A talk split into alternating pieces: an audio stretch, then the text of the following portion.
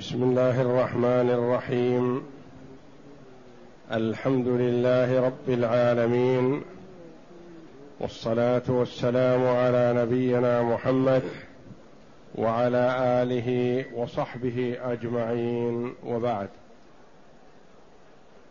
أعوذ بالله من الشيطان الرجيم. وإن نشأ نغرقهم فلا صريخ لهم ولا هم ينقذون إلا رحمة منا ومتاعا إلى حين.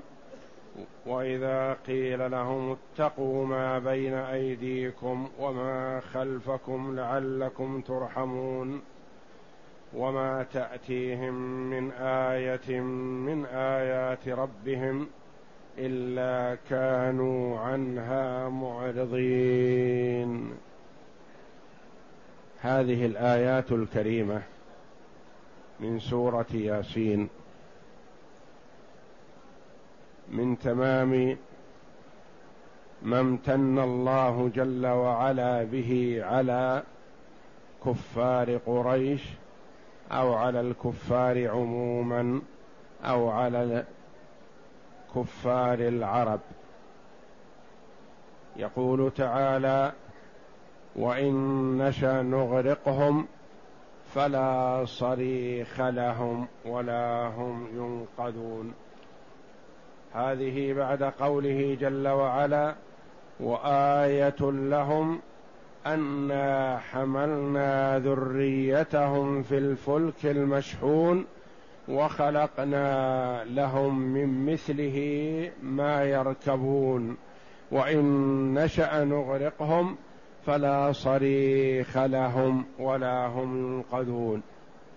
أي أن الله جل وعلا قادر على إغراقهم في البحر حينما يكون في لجج البحار. وإن نشأ نغرقهم ولو أردنا إغراقهم فإن ذلك في مقدورنا ولكنا لم نفعل رحمة بهم.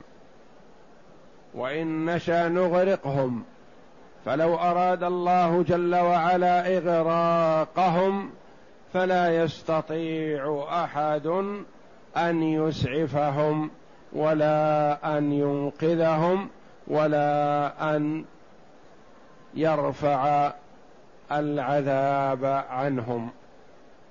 فلا صريخ لهم. الصريخ بمعنى المصرخ والمصرخ هو المغيث أي فلا مغيث لهم. يغيثهم إن شئنا إغراقهم. وكما يطلق الصريخ على المغيث يطلق على الصارخ المستغيث. فهذه الكلمة من كلمات الأضداد التي تطلق على الضدين. تطلق على المغيث وعلى المستغيث. ولا هم ينقذون. أي لا يخلصون ولا ينجون من عذاب الله جل وعلا إذا حل بهم. إلا رحمة منا. ما ينقذهم ولا يسعفهم إلا رحمة الله جل وعلا بهم. قال العلماء إلا رحمة منا استثناء مفرغ من أعم الأحوال أي لا صريخ لهم ولا ينقذون لشيء من الأشياء إلا لرحمة منا. لا ينقذون من أجل شفيع لهم ولا ينقذون من أجل من يدافع عنهم ولا ينقذون من أجل أمن يرفع العذاب عنهم وإنما ينقذون بالرحمة من الله جل وعلا. وقيل هو استثناء منقطع. أي لكن الرحمة منا تنقذهم. وقيل هو بمعنى المفعول لأجله. أي لأجل الرحمة. ولا هم ينقذون إلا لأجل الرحمة منا. هي التي تنقذهم أي رحمة الله جل وعلا بهم تنقذهم مما هم فيه.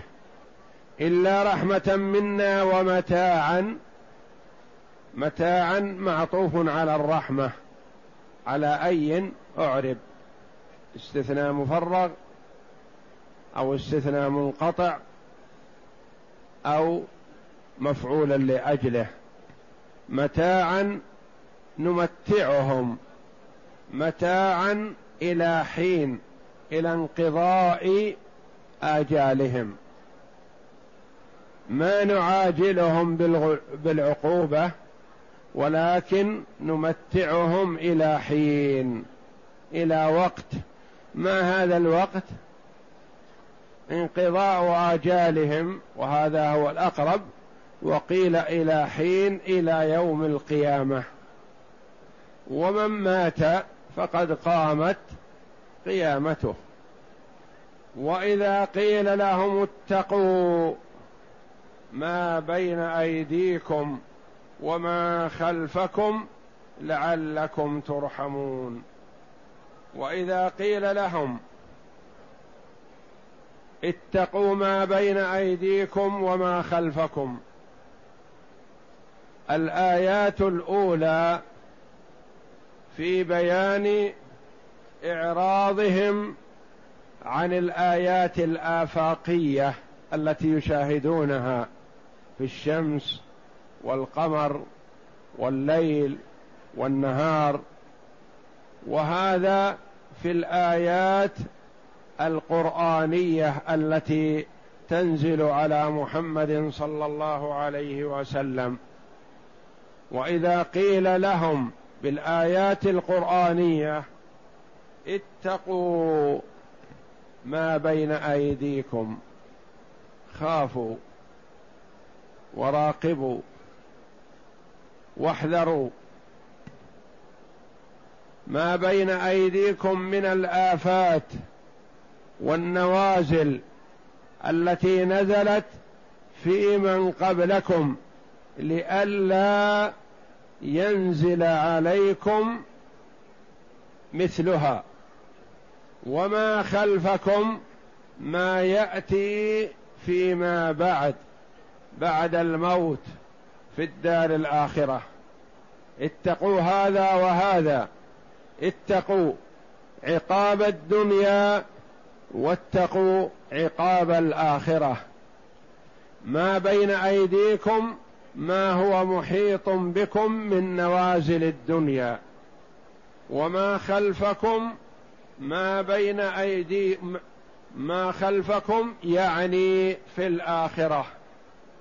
وقال سعيد بن جبير رحمه الله ما بين أيديكم ما مضى, ما مضى من الذنوب. خافوا من عقوبة ذنوبكم السابقة. وما خلفكم ما بقي منها ما ستأتونه من الذنوب فيما بعد.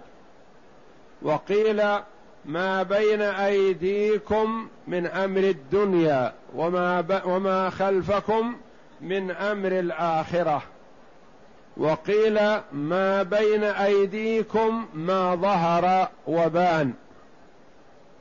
وما خلفكم يعني ما خفي عنكم. وإذا قيل لهم اتقوا ما بين أيديكم وما خلفكم. أين الجواب؟ جواب إذا محذوف. دل عليه سياق الآيات. تقديره اعرضوا وإذا قيل لهم اتقوا ما بين أيديكم وما خلفكم اعرضوا لعلكم ترحمون. رجاء أن ترحموا. فبتقواكم تتعرضون لرحمة الله. فإذا اتقيتم رحمكم الله. وإذا لم تتقوا فالويل لكم. وما تأتيهم من آية. ما تأتيهم ما هي النافية. وصيغة المضارع ما قال وما أتاهم ما تأتيهم للدلالة على التجدد أي أن الآيات تتجدد عليهم وتنزل. كل يوم يأتيهم آيات بينات.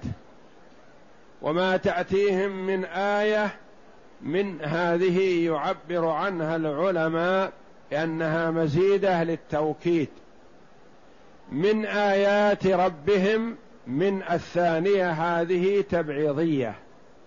يعني لأنها تأتيهم بعض الآيات. وما تأتيهم من آية من آيات ربهم دالة على نبوة محمد صلى الله عليه وسلم وعلى صدقه. وعلى وجوب إفراد الله جل وعلا بالعبادة وعلى كمال قدرة الله جل وعلا إلا كانوا عنها معرضين منصرفين. تأتيهم الآيات وتتجدد وهم يعرضون. ولا يتأملون ولا ينظرون لأنهم لو تأملوا ونظروا لوجدوا البرهان البين ووجدوا الدلالة الواضحة على صدق محمد صلى الله عليه وسلم ووجدوا الدلالة الواضحة على وحدانية الله جل وعلا. وأنه المستحق للعبادة وحده لا شريك له. لو تأملوا ذلك لاستفادوا لكنهم أعرضوا وانصرفوا فلم يرعوا ولم ينتبهوا لما جاءهم به محمد صلى الله عليه وسلم. وما تأتيهم من آية من آيات ربهم إلا كانوا عنها معرضين منصرفين. وفي هذا ذم لهم وذم لمن شابههم ممن لم يلتفت للآيات والبراهين والأدلة الدالة على الحق. لأن من الناس من يكون على غير الحق فإذا جاءه دليل وبرهان على الحق الذي يدعى إليه قبله وترك ما هو فيه من الباطل. وهذا دلالة على فلاحه. ومن الناس من هو على الباطل فيدعى إلى الحق فلا يلتفت لذلك ولا يرعوي. ولا يسمع ممن دعاه هو على تقليده وعلى اتباعه. وهذا خطأ وضلال. فمن كان على طريقة ودل على الحق وبين له خطأ ما كان عليه فالواجب عليه أن ينصاع إلى الحق وأن يقبله وأن يؤمن به وأن يأخذ به. ولا يتعصب لما هو عليه أو ما كان عليه آباؤه أو من يقتدي بهم. فالتعصب للمذهب مذموم. التعصب للطريقة مذمومة. أنت اسأل عن الحق وابحث عن الحق. فإذا وجدت الحق فخذ به وعض عليه بالنواجذ ولو خالف ما عليه عادات أهل بلدك. لو خالف ما كان عليه آباؤك وأجدادك فاحمد الله جل وعلا الذي بين لك الحق ودلك عليه وخذ به وعض عليه بالنواجذ. ولا تتعصب. لا تتعصب لما أنت به لما أنت عليه. وتأخذ به وتتمسك به وإن كان على ضلال. بل عليك بالحق. فاقبله ممن جاء به ما دام أنه ظهر فيه الحق. والله أعلم. وصلى الله وسلم وبارك على عبده ورسول نبينا محمد وعلى آله وصحبه أجمعين.